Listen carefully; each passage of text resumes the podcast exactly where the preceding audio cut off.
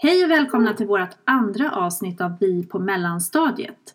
Jag heter Carolina och undervisar i NO-ämnena teknik och matematik i år 4 i en skola i Täby.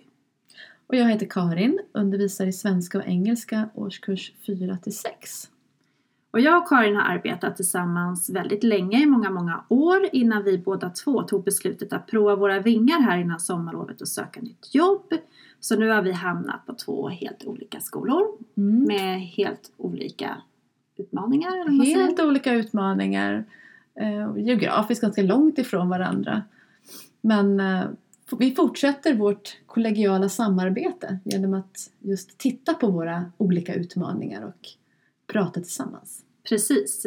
Och förra veckan så pratade vi om hur vi skapar en planering. Och du Karin visade ju via våra sociala medier, på, vi, vi på mellanstadiet som vi heter på Instagram, vi har en Facebookgrupp med samma namn och en blogg.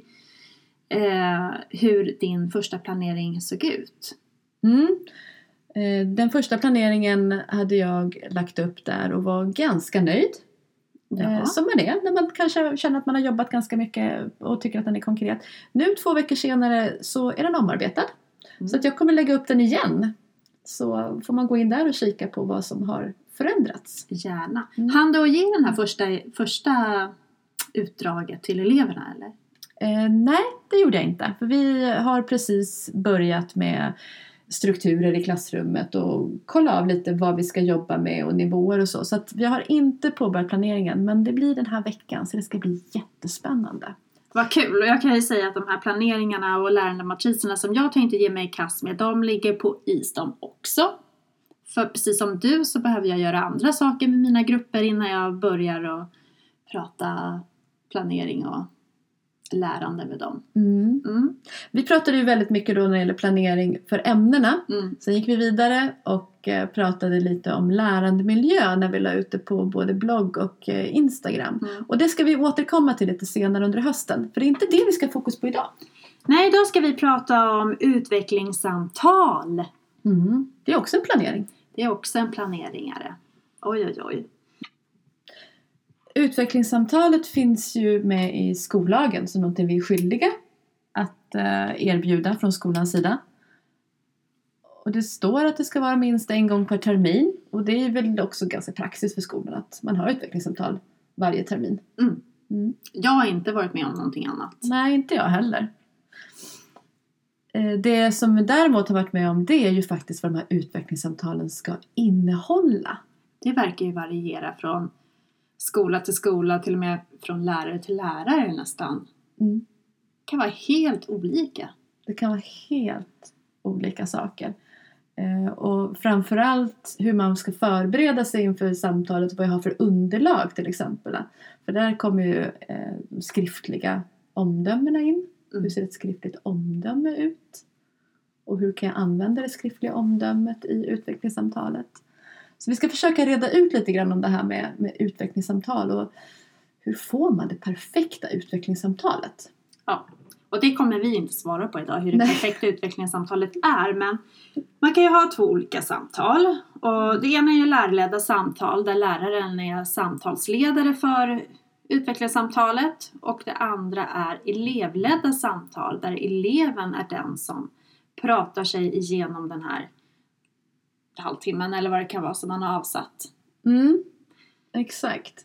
Och just det här elevledda samtal, det har ju varit väldigt på tapeten de senaste åren. Ja. Väldigt mycket snack om elevledda samtal. Eh, vad är din erfarenhet av elevledda samtal? Eh, ja. Eh, Jag, jag tycker att man kan lägga upp det på olika sätt. Men eh, när man har utvecklingssamtal med elever som går i fyran så har de väldigt svårt att sätta ord på sin egen kunskaps och kvalitetsprofil. Vilket är det som man ska diskutera. Mm. Och då kommer vi in på det här, det här, den metakognitiva förmågan. För då så ska ju eleven på förhand börja reflektera över sin egen inlärning. Och sätta det i förhållande till hur det har gått eh, i skolan och i de olika bedömningsformerna som de har eh, utsatts för, eller vad man ska säga, medverkat i. Ofta har ju de väldigt svårt att vara konkreta. Ja. De har oerhört svårt att vara konkreta och de tar stort att det kan vara att det går jättebra i matte. Mm. Eh, jag, är klar, ja, jag är klar snabbt. Jag har gjort alla mina tal. Jag hade all, alla rätt när jag räknade. Mm. Eh, det, det blir inte så konkret på det som sen ska kunskapsbedömas. Att de förstår exakt vad, i förståelsen. Vad är det jag ska kunna och hur går det med det? Och hur kom jag dit? För har jag alla rätt, hur lär jag mig då för att kunna kanske generalisera och använda det i ett annat sammanhang när jag behöver träna på någonting? Exakt, för i, om man då tittar på kunskapskraven, vad säger de? Det står ingenting om att man ska bli klar snabbt och ha alla rätt i matteboken. Så liksom, när en Nej. elev säger så, så, så säger det ingenting egentligen om eh, förmågorna eller de kvaliteter som eleven har att resonera eller argumentera med hjälp av matematiskt språk. Så, så jag har egentligen inte så jättegoda erfarenheter av de här elevledda samtalen. Nej, eh, jag har inte heller det kan jag säga. Eh, jag har varit både som förälder eh, jag har inte, nej både som förälder, jag har nog inte egentligen riktigt gjort elevledda, jag tror jag har provat någon gång den här modellen när eleverna ska sitta själva med sin förälder. Mm. För det, var det, det, det har jag varit med om som förälder. Och det har mina elever fått prova något år. Eh, Jag säger också Det att mina elever får prova det men sen när jag har avverkat i kanske tio elever så har jag bara känt att nej, nu skiter vi i det här. Nu, nu tar jag över! nu, gör vi, nu gör vi skola av det här. Ja, nej men det, det är just att, att jag har inte känt att eh, vi kommer till den här lärandet, vi kommer till att förstå hur jag ska komma framåt. Utan det Mm. blir väldigt görandet. Det här har jag gjort, det här har jag gjort, det här var kul. Säger Eh, eleven. Säger eleven, ja. Eleven pratar om och visar upp fina arbeten. Men vi kommer inte till de här förmågorna. Eh, så det, det roliga tycker jag är när, när du säger då den här metakognitiva förmågan. För att det är någonting som du och jag har stött och blött väldigt mycket. Den metakognitiva förmågan. Att använda den och försöka utveckla den hos eleverna i det dagliga arbetet. Och min tanke är ju att ju bättre de blir på att utvärdera och reflektera över sitt lärande, komma till det här konkretiserande, vad har jag lärt mig, hur gjorde jag för att lära mig det här? Så kommer de att kunna bli bättre även på utvecklingssamtalen. Ja, för då, då har ju de avverkat de två viktigaste stegen i den här utvecklingscirkeln som man pratar om. Att man gör, man reflekterar, utvärderar och så kommer man till de här sista frågorna. Att vad ska jag göra sen för att det ska bli bättre nästa gång? Och det är det som är så viktigt, att de kan sen också börja generalisera lite grann. Hur kan jag ta med mig den här kunskapen om mig själv, vad jag behöver och gå vidare? Eh, och där tycker jag att jag har, jag har fått den erfarenheten när jag har jobbat metakognitivt med mina elever och de har reflekterat över sin inlärning i vårt ämnesarbete. Att de har blivit bättre på att bli konkret, att se att ja men jag gjorde så här, ja men det funkar för mig. Det här funkar inte så bra. Och gått bort från att också vad som är kul och vad som är, är mindre kul. Mm. För det är också helt olika saker. Eh, och, och, då, och då tänker jag lite grann så här också. Ja, men om eleverna då inte klarar det, att inte lägga det på eleverna. Men att vi slänger ut eleverna där och bara nej, de kunde inte det här med elevledda utvecklingssamtal. Det var inget bra. Måste, eh, men samtidigt känner jag att om jag går in då och vill hjälpa dem att styra upp. Då är det ju kanske inte ett elevlett samtal på det sättet. Nej. Fokuset kan ju fortfarande vara att det är eleven som med min hjälp leder samtalet. Mm. Och det är väl det jag har saknat. När jag som förälder ska sitta själv med mitt barn, träffar läraren i tio minuter blir det bara som en sammanfattning. Men om man har ett elevlett samtal där läraren är med hela tiden som en handledare att stötta upp, ställa de här frågorna som hjälper eleven vidare. Mm. Eh, Då kan vi prata om mer elevlätt. Ja, precis. Eh, det är självklart att eleven ska stå i fokus och få chans att, att få prata om eh, den egna uppfattningen om skolan och skolarbetet. Eh, jag tycker inte att det lärarledda elevsamtalet behöver ta över det. Men däremot i det elevledda samtalet så kan lärarens kunskaper och lärarens profession hamna lite i skuggan av Mm. eleven. Och då blir det ett litet dilemma tycker jag. Mm. Absolut. Och sen ska vi också få in föräldern. Det är ju trepartssamtal, fyrpartssamtal eller Mm. beroende på hur, hur många som deltar i det här samtalet. Alla ska ju komma till tals och det viktiga är ju kanske framförallt att eleven känner att det är för elevens skull vi är där. Eh, och en annan sak, det absolut viktigaste som jag tycker med utvecklingssamtal, det är att det är ett positivt framåtsyftande samtal. Mm. Som genererar i någonting konkret som man kan ta med sig framåt. Mm. Som eleven har förstått. Ja, man, man hoppas ju någonstans att eleven ska lämna det där samtalet med en liten känsla av att det kliar lite i fingrarna, att man ska utmana sig själv, att man har fått en liten morot Mm. eh, att utvecklas. Att man är bra, men det finns, man kan sträva mot lite högre mål. Och det, det är det jag tycker lite grann då det här med, med syftet med samtalen och var vi står någonstans. Eh, jag har elever som, som jag ska ha samtal med för första gången ibland. Det här, är inte, det här är faktiskt inte ovanligt men jag har haft elever som pratar om utvecklingssamtal. Jaha, ja, det, är sånt där utveck- det är sånt där samtal när man får skäll.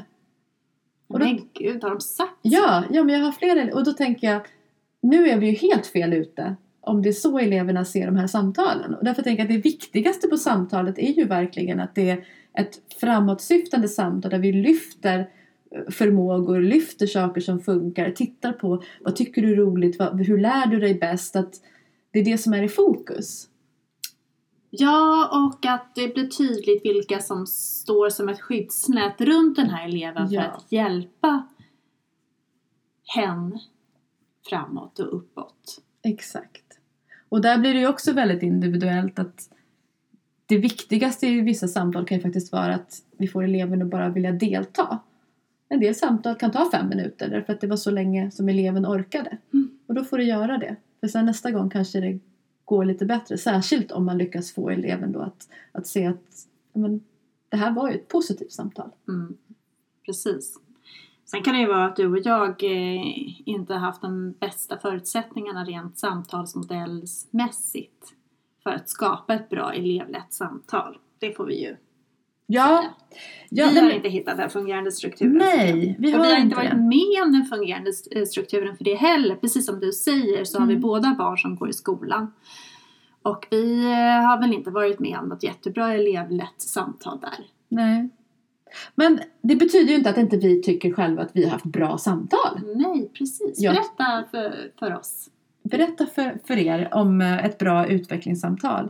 Eh, jag, jag tänker att ett bra utvecklingssamtal, jag vet inte, jag har nog inget på huv, alltså i huvudet sådär. Jag tror att lite kvitto för mig med ett bra utvecklingssamtal, det har nog varit när jag har träffat samma elev och vårdnadshavare flera gånger. Och kanske börjat med, med en elev som är så här, ja men det är ett sånt här läskigt samtal. Och att det är läskigt att sitta ner och prata med vuxna. När vi för varje samtal har fått eleverna att delta mer. Ibland har eleven i stort sett suttit i andra sidan rummet. Eh, och på det kanske andra eller tredje samtalet så sitter eleven vid bordet och faktiskt är med i samtalet. Där Mm. tänker jag att det är en fantastisk utveckling och verkligen har kommit fram till att det här är eleven i fokus. Mm. Det är ditt samtal. Ja, det är jättehäftigt. Så det, det tror jag att jag tar upp som kanske en sån som sticker ut. Mm. Sen kan jag tycka att ett riktigt bra eh, utvecklingssamtal är ju när vi lyckas hitta ganska konkreta saker. Man får eleven att förstå någonting konkret och att man ser på eleven att ah, ja, jag ska, vill lära mig det här och jag kan träna, ja, jag kan träna på det här sättet för att nå det här målet. Mm. Och att vi, vi är överens, jag menar att vi, och vi har ett, pratade om det här tidigare, det här professionella samtalet. Mm. Eh, Det får jättegärna, det ska jättegärna vara, det ska vara trevligt. Men det är, det är, som, det är, ingen, det är inget fikasamtal. Nej. Vi ska inte prata liksom om roliga saker i helgen. Vi ska ha fokus på det professionella Mm. samtalet. Vad, vad har du för erfarenheter av riktigt bra samtal? Mina bästa utvecklingssamtal hade jag förra året. Då hade jag sexor. Jag och min eh, mentorskollega eh, Jenny, helt fantastisk person. Vi valde båda vi kom överens om att senare lägga våra utvecklingssamtal och ha dem veckan innan höstlovet istället för att ha dem så här precis i uppstarten. För då tänkte vi att till höstlovet har vi kartlagt eleverna, vi har avverkat våra första eh, bedömningsuppgifter. Eh, och eleverna hade fått möjlighet till både formativ bedömning, så, summativ bedömning och vi hade haft möjlighet att prata med dem om, om vilka kvaliteter deras arbeten speglade. Och då kunde vi sen samlas tillsammans med föräldrar och elever och prata om det här på utvecklingssamtalen. Så utvecklingssamtalen blev oerhört konkreta, tycker jag i alla fall. Där vi lyfte varje kunskapskrav som vi har strävat mot. Var eleven hade presterat och vad elever kunde utveckla för att nå ännu högre upp på betygsskalan. Eh, och då måste man ju prata om de här olika förmågorna. Exempelvis så kanske det var någon elev som presterade jättehögt på att resonera i svenska men när det väl kom i exempelvis biologi så var det någonting som saknades. Hur kunde vi förvalta de här förmågorna ifrån svenska ämnet in i de andra ämnena och göra eleven medveten om vad som fattades? Det, det, här är, det här är så spännande. Dels kan jag säga att jag, jag såg ju på er när ni eh, förberedde de här samtalen eftersom vi satt i samma arbetsrum. Bara det var ju en imponerande arbete att titta på. Ni lade ner jättemycket tid på förberedelse. Ja, det tog ganska lång tid att förbereda men det behövde egentligen inte ta så lång tid. Eh, det som tar tid det är ju att konkretisera målen som ni egentligen gjorde när ni gjorde planeringar till arbetet. Mm. Och då är vi tillbaka till det här egentligen med arbetsplaneringar, vi är tillbaka till lärandematriser som också ligger till grund. Vi har en loop här, eller hur? Ja, det finns en, en cirkel. Det mm. finns en cirkel. Men det jag kände på de utvecklingssamtalen och det jag fick till med föräldrar efteråt det var att de var så himla nöjda. Många sa att det här var det bästa utvecklingssamtalet vi hade, att de, de hade varit på. Dels så fick de en större förståelse för de olika betygsstegen, vad som faktiskt krävdes. De fick också konkreta tips på vad de kunde göra hemma för att stödja eleven. Och de här tipsen har ju du och jag pratat ganska mycket mm. om. För exempelvis så pratade jag och mina elever väldigt mycket om det här med resonemangsmarkörer just då. Det kallas också för sambandsmarkörer och, mm. ja, och sambandsord. Alltså hur man utvecklar en text genom att lägga till ord som exempelvis därför att, eftersom och då. Ja, ni vet, för att få en tydligare, mm. fylligare text. Mm. Och, och, då har ju du och jag pratat ganska mycket om vad hemmet kan göra för att utveckla mm. den här förmågan. Och det är ju att man, man ställer de typer av följdfrågorna till sina barn när de har berättat om någonting hemma. Som man har gjort i skolan, det kan vara en fritidsaktivitet man har gjort, en upplevelse man varit med om som var kul. Ja, men varför var den rolig? Den var kul därför att. Och så får man liksom dra ut mer utvecklade svar ifrån eleverna, eller sina barn blir det väl i det här fallet. Och det, det, det, som du är inne på nu tycker jag är, är, jätteviktigt för att vi pratar ju väldigt mycket, utvecklingssamtalet går också väldigt mycket ut på det här samarbetet med hemmet. Vad kan du som förälder göra hemma för att stötta ditt barn till mm. exempel? Och ibland kan jag känna så att vi lägger då eller lägger på föräldrar att göra saker hemma och det känns lite taskigt. Men det som du lyfter nu är det vi har pratat om. Hur kan man lägga en, en bra grund som ändå inte blir ett merarbete hemma? Utan som faktiskt bara utvecklar mitt barn. Men i, vårt dagliga, eh, i vår dagliga samvaro. Mm. Eh, och jag tycker att den tiden är mycket, mycket viktigare. För det sätter fokus på lärande. Mm. Får du hem en läxstencil att göra så är det lite mer fokus på görandet. Och det är det här vi vill separera. Mm. Görandet och lärandet. lärandet. Mm. För att just den här tiden hemma och läxor. Vi får återkomma till det. Ja. För det är, det är nästan flera program att prata läxor och det mm. kommer vi kunna stöta och blöta. Och säkert eh, ha otroligt mycket olika åsikter eh, om med, med, halva lärarkåren och halva Sverige. Ja. Men vi ska inte gå, gå in på det nu. Men jag tänker ändå att här tycker jag är en jätteviktig sak att prata med föräldrarna om och få, få dem att hjälpa till. För vår nya läroplan handlar ju otroligt mycket om just de här förmågorna. Ja, det är ju språkutvecklande förmågor som ja. de ska det bygg, förvalta. Att alla ämnen bygger ju på de här eh, förmågorna på olika sätt. Det betyder att har vi fokus på förmågorna så har vi fokus på flera ämnen samtidigt. Ja. Och det är väl det som blir kanske lite annorlunda även för föräldrar som mm. inte är så insatta i kursplanen eh, att få förståelse för. Mm. Och det var bra med de här utvecklingssamtalen. Men nu är jag ju ny på en arbetsplats och kan inte vara med och bestämma på det här viset. när man är ny får man vara lite försynt tycker jag. Och vi ska ju ha våra utvecklingssamtal här om två veckor kanske. Men du har ju redan Jag har redan haft mina utvecklingssamtal. Andra veckan, bam, där satt de. Du är klar nu? Eh, ja, inte riktigt. Nej, man är Nej, aldrig klar Man är aldrig klar för det är alltid no- några som behöver någon annan tid. Men Mm. jag, jag har haft flera samtal. Eh, och Vad jag, kallar ni de eh, samtalen så här i uppstart? De kallades för utvecklingssamtal. Men jag har ju fyror och ibland så kallar man dem för lära känna-samtal. Ja, det är mitt hatord Ja, jag vet utvecklingssamtal. är allergisk mot lära Vi ska känna-samtal. inte lära känna varandra och dra, dricka kaffe och ha någon speed dating kurs där. Nej, nej, nej. Nej. Jag tycker det låter så oprofessionellt. Jag blir alldeles upprörd av det här. För det handlar ju om, på ett sätt så handlar det om att lära känna eleven och elevens eh, styrkor och vad vi behöver hjälp med. Men Ja. inte lära känna som du säger och, och dricka De ska kaffe. inte lära känna mig direkt. Det är Nej, inte på, inte på samtalet så. Nej, det ska de ju Nej, inte. ska de kan de inte heta lära känna-samtal. Men du hade inte ett annat jättebra ord. Då tycker jag att man kan kalla det för uppstartssamtal.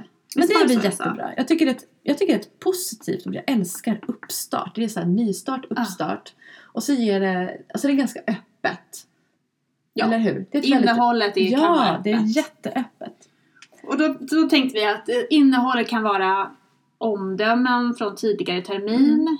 Eh, föräldrar och elev får chans att berätta lite om eh, kort bakgrund då, eller viktigt att veta. Ja, viktigt att veta. Förväntningar inför det nya läsåret. Kanske om det är ny, just det, man tänker uppstart då. Om man Mm. kommer till en ny skola eller börjar ett nytt stadium och sådär. Så kan det ju vara liksom förväntningar inför det här nya.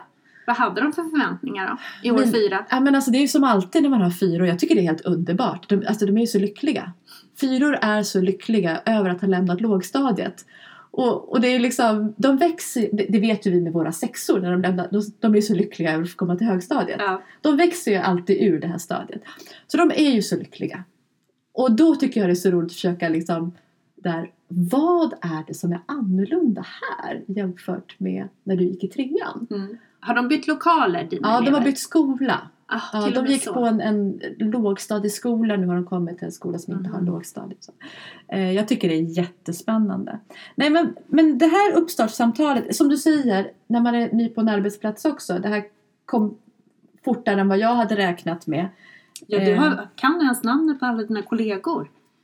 Kan du namnet på alla barnen ens? nej, jag kan inte namnet på alla mina kollegor, förlåt. Jag kan inte namnet på alla mina kollegor, men jag tror att jag Kan- faktiskt kan namnet på nästan alla mina barn.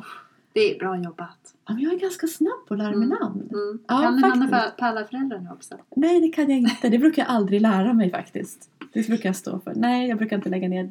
Jag försöker, men nej, usch.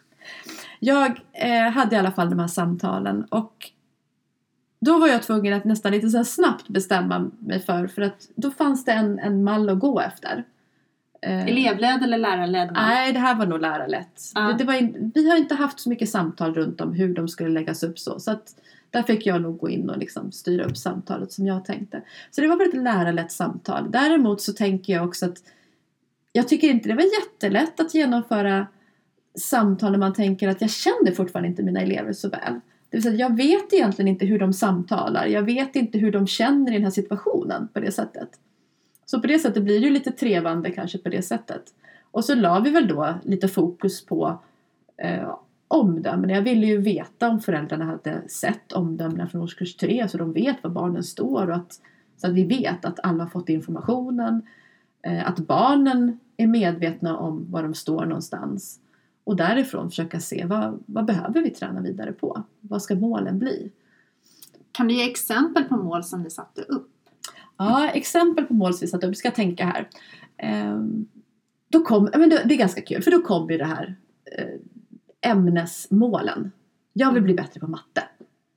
Och då frågade du, hur ska du bli det? Eller hur? Jag måste, för det första så tänker jag så här att jag frågar inte hur ska du bli bättre på matte. Utan går ner till vad i matte behöver du bli bättre på? Mm. Vad är det för moment i matten som du känner att det här behöver jag träna lite mer på? Mm. Eh, Och då brukar vi få diskutera lite olika saker. Ibland så är det ju, man tänker också att vi vet ju att barn ofta är där de är just nu. De, har, de, är, liksom, de är väldigt omedelbara i nuet. Så att det arbetsområde de håller på med nu och så kanske de hade problem förra lektionen med någonting för att det var så väldigt nytt. Mm. Då kan det ju nästan bli som att ah, men det här är jag svårt för. Mm. För de har precis börjat med det området. Eh, där tycker jag att den här lilla skriftliga kommentaren är väldigt viktig. Vi är ju skyldiga att ge skriftliga omdömen. Och jag vet att vi har diskuterat tidigare om att det kan ju räcka då med ett kryss på godkänd, icke godkänd. Då har Ja. man, det är ett skriftligt omdöme. Så har vi diskuterat tidigare, Mm. vet jag med många kollegor. Eh, men vi har ju alla suttit där och känt att vi behöver lite mer information. Och när man sitter i ett sånt här samtal när jag inte vet någonting om eleverna så är den informationen så viktig. För när eleven säger att jag behöver ju träna vidare i matematiken så kan jag med hjälp av den lilla informationen också hjälpa eleven att gå ner mer i delmoment och konkret. Mm. Så då kom du i samtal fram med eleverna att Eh, alltså så om eleven sa så här, jag vill bli bättre på matte. Du frågade vilken del och de bestäm, bestämde sig för vilken del i matematiken de ville utveckla. Mm. Började du titta på det skriftliga omdömet då i matte och sen knoppa ihop ett nytt mål? Ja, jag försöker titta lite grann där och visa eleven och föräldern vad det står Mm. där. Eftersom där sitter jag faktiskt och inte vet någonting om elevens matematikförmåga. Nej, för du undervisar inte Jag undervisar inte matematik och jag eh, känner ju inte eleverna. Du vet vad de heter. Jag vet mycket vet, mer. jag känner dem inte så mycket mer. Jag tänker att det är det här som blir lite tokigt i i det här samtalet faktiskt. Så jag kan inte Ja. säga att jag, jag blir ju inte jättenöjd på det viset, det blir jag inte. Och där tänker jag att i sam, samarbete med min kollega så kommer vi kunna vara mer förberedda nä, nästa samtal. Men självklart att ni är mer förberedda nästa samtal som man ska ha typ två dagar efter jullovet. Ja, för att då har ju vi jobbat ihop och då har ju vi diskuterat och vi har sett deras förmågor på ett helt Ja. annat sätt i ett halvår. Det blir mycket lättare då. Jag tycker fortfarande inte att man ska ha uppstartssamtal.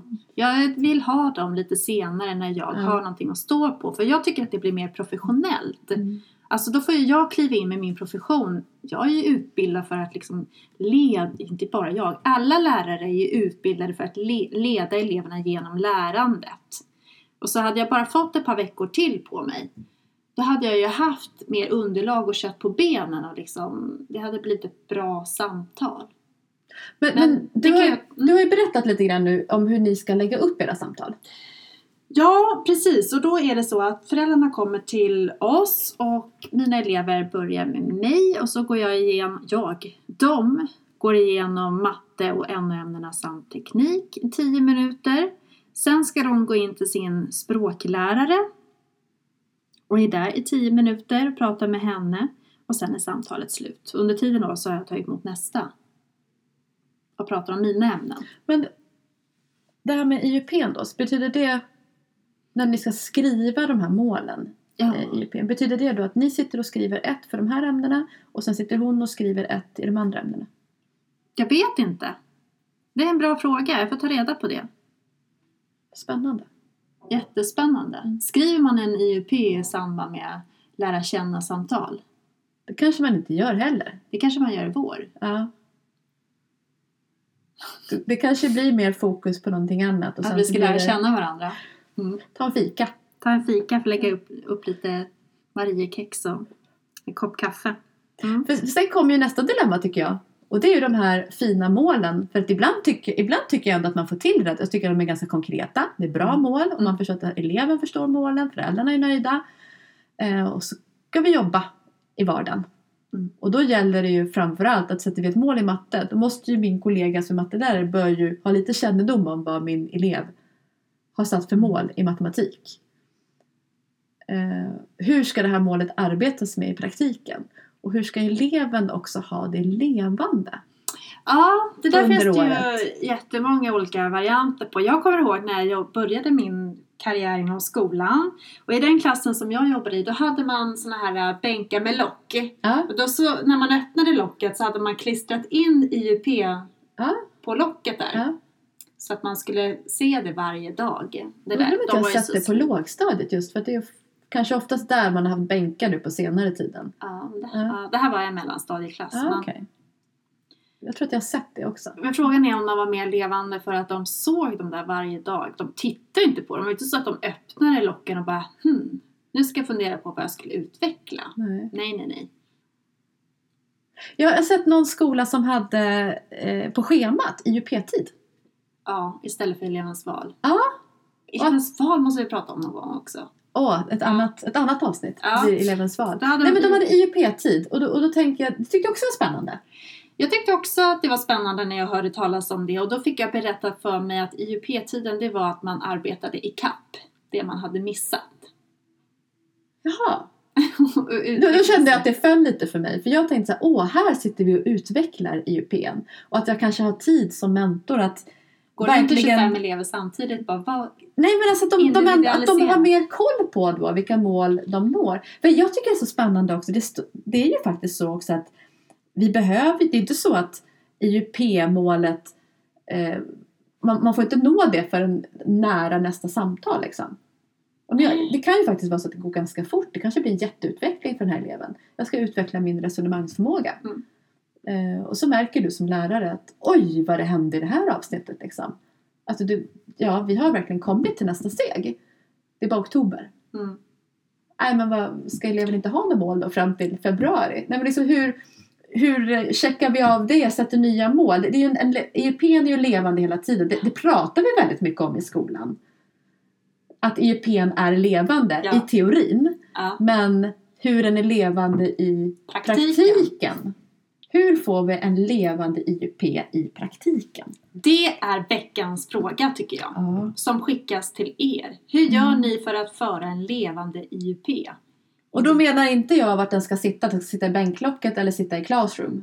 För, den är för det är just det som är, den är inte levande bara för att den är nedskriven någonstans. Utan hur, hur Nej. arbetas den med och är levande så att eleven hela tiden vet liksom. Ja, det undrar vi. Ja. Det är, alltså det, det är så mycket det här med, med utvecklingssamtal. Och jag, jag, jag känner ibland att det är en av de här områdena där jag fortfarande känner att jag har så långt kvar att vara nöjd. Mm. Även om det finns delar i utvecklingssamtalet som jag är nöjd med. Ja, och sen så kan jag känna att skolan generellt behöver öva på vissa saker och då Ja. är utvecklingssamtalen en av dem. För det är väldigt lummigt och flummigt. Egentligen det kanske är så att det kanske inte bara ligger hos mig. Det kanske Nej. faktiskt ligger i skolan generellt det här med utvecklingssamtalen. Ja, det är kan- utvecklingssamtal, elevens val och eh, hur man skriver omdömen. Ja. Det är liksom, Saker som hela skolan verkligen behöver ha ett krafttag runt.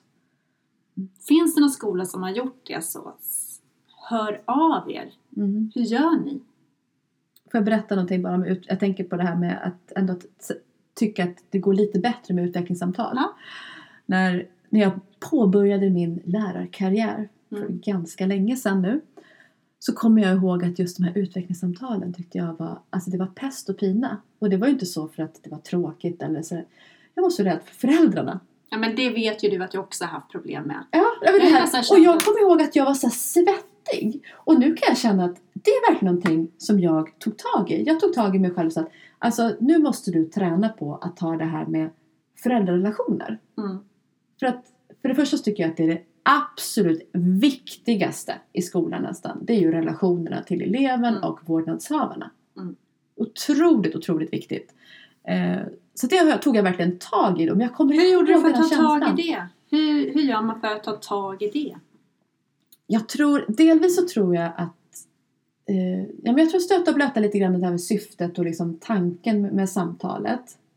Eh, så att det blev konkret vad vi skulle prata om. Mm. Att det skulle vara positivt och att jag också kunde börja samtalet lite grann med dels att tala om att utvecklingssamtal, det är de här premisserna som, som gäller lite grann.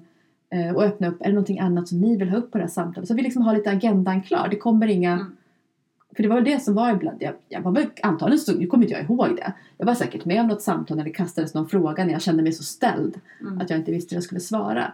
Sen tror jag också att det kommer lite grann med erfarenhet. Jag känner mig säkrare i min profession vilket gör att jag är mer avslappnad. Jag vet vad jag håller på med. Ja. Och det, det har ju vi diskuterat ganska mycket där. Jag, jag vet vad jag håller på med. Mm. För jag kände precis samma sak som, som du gjorde. Att ha utvecklingssamtal. Jag kände att jag hade lust att bara gräva ett hål i marken och inte alls komma upp igen. Jag tyckte det var skitjobbigt. Det var verkligen här prestation, ja, prestationsångest. Och jag visste inte vad de skulle säga och så tänkte jag, men gud har jag gjort dem någonting? Mm. Eh, Fast jag visste att jag inte hade gjort det. Men sen, precis som du säger, att man bestämmer sig för att ta tag i saken. Och att man reflekterar över sig själv och vet att jag vet vad jag håller på med. Jag vet vad jag gör. Jag har underlag för, för eh, mina metoder och arbetssätt. Mm. Och jag har fört en dialog med eleverna. Jag vet var de står också. Mm. Och så vet jag vad som är min sakfråga och vad som ligger på ledningsnivå. Jag tror, det tror jag också är en grej. Jag tror att det var säkert det som var i början också. Jag hade nog inte, jag kände nog inte att jag hade direkt koll på exakt kanske alltid också var eleven låg. Och så kom det Mm. upp så här att eleven kanske, föräldrarna kunde ta upp någonting eller det här var svårt eller kunde inte. Och jag kunde inte ge något svar eller verktyg för Mm. hur vi skulle göra. Men där tänker jag också att skolan har förändrats faktiskt ganska snabbt. Väldigt mycket med det här med planering och uppföljning som då ger mig så mycket bättre verktyg att hela tiden ha koll på elevernas lärande. Mm. Jag har ju så bra koll på grund av att planeringarna är så konkreta. Ja, det är sant. Och då vet ju jag mer. Jag vet vad jag undervisar, jag vet varför och jag har superkoll på kursplanen. Mm. Och då har jag också Kunskap är makt. Så är det. Kunskap är makt. Så är det. Vi kanske vi skulle kunna prata hur länge som helst om det här. Vi kanske behöver avrunda för nu. Ja, då avrundar vi här helt enkelt och eh, lämnar några frågor som vi kommer bära med oss under veckan, under veckorna. Och bjuder in till diskussion. Ja, den första frågan är just det här. Måste ett utvecklingssamtal vara elevlätt för att eleven ska reflektera över sitt lärande? Och måste läraren hamna i skymundan bara för att det är elevlätt? Mm. Så egentligen handlar det om vad är ett elevlätt samtal egentligen? Mm. Och hur gör vi en IUP till ett levande dokument i praktiken? I vardagen? På riktigt? Har ni tips att dela med er? Och sen handlar det om skriftliga omdömen. Hur ska de skrivas? Hur ska de formuleras? Och hur ska de användas? In på våran Instagram, vi på mellanstadiet, på våran Facebookgrupp, vi på mellanstadiet eller våran blogg. Vi på mellanstadiet. Och skriv ner alla era erfarenheter och era egna reflektioner. Absolut. Carolina, tack för samtalet. Tack själv! Ha det gott! Ha det gott. Hej då!